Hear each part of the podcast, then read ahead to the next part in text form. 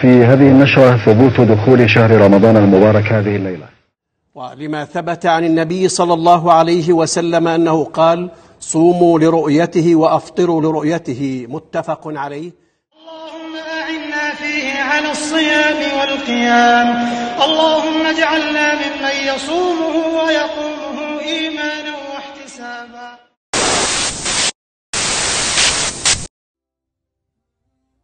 الذي يعطي لا لعوض والذي يعطي بغير سبب. الله سبحانه وتعالى كريم يحب الكرم ومكارم الأخلاق. عمر الكرم ما كان محصور على المال. فجبرك للخواطر وحسن قولك كرم وكل ما يحمد من الأفعال كرم. قيل يمكن أن تسمى النفس سخية عندما تجد لذة في العطاء أكثر من الأخذ. مين أكرم وأجود من نبينا صلى الله عليه وسلم كان يعطي كل اللي يملك في سبيل الله سباق للخير يؤثر الناس على نفسه وإن كان محتاج. كان من اللي قال الله فيهم. ويؤثرون على أنفسهم ولو كان بهم خصاصة.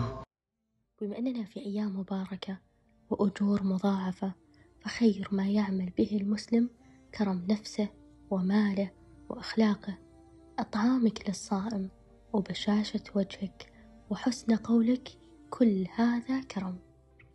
لا تنسى أقاربك وجيرانك من عطائك منهم عزيز النفس المحتاج اللي ممكن تفك كربته بمالك كان عليه الصلاة والسلام عطاؤه يعم المحتاجين وغيرهم. كان يحرص على أنه يضاعف البذل في رمضان.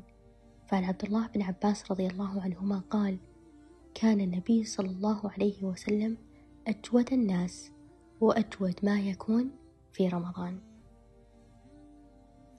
فلا عجب أن يكون النبي في أوائل صفوف الكرام في البذل والعطاء فكان له مواقف مع الأعراب.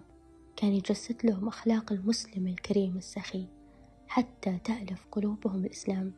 من هذه القصص قصة الأعرابي اللي شاف قطيع من الأغنام كانت قد ملت الوادي اللي كانت فيه فطمع الأعرابي في كرام النبي محمد صلى الله عليه وسلم فطلب الأعرابي النبي أن يعطيه كل هذا القطيع اللي في الوادي فأعطاه النبي القطيع فرجع هذا الرجل الأعرابي مستبشر وفرحان لقومه وقال يا قوم أسلموا فوالله أن محمدا ليعطي عطاء من لا يخاف الفقر. فما أعظم كرمه وجوده وسخاء نفسه. عزيزي المستمع قليل من كرمك قد يكون طريقك للجنة.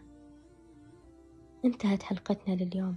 انتظرونا كل يوم جمعة خلال شهر رمضان بحلقة جديدة من بودكاست ريحان المقدم من منصة غيم.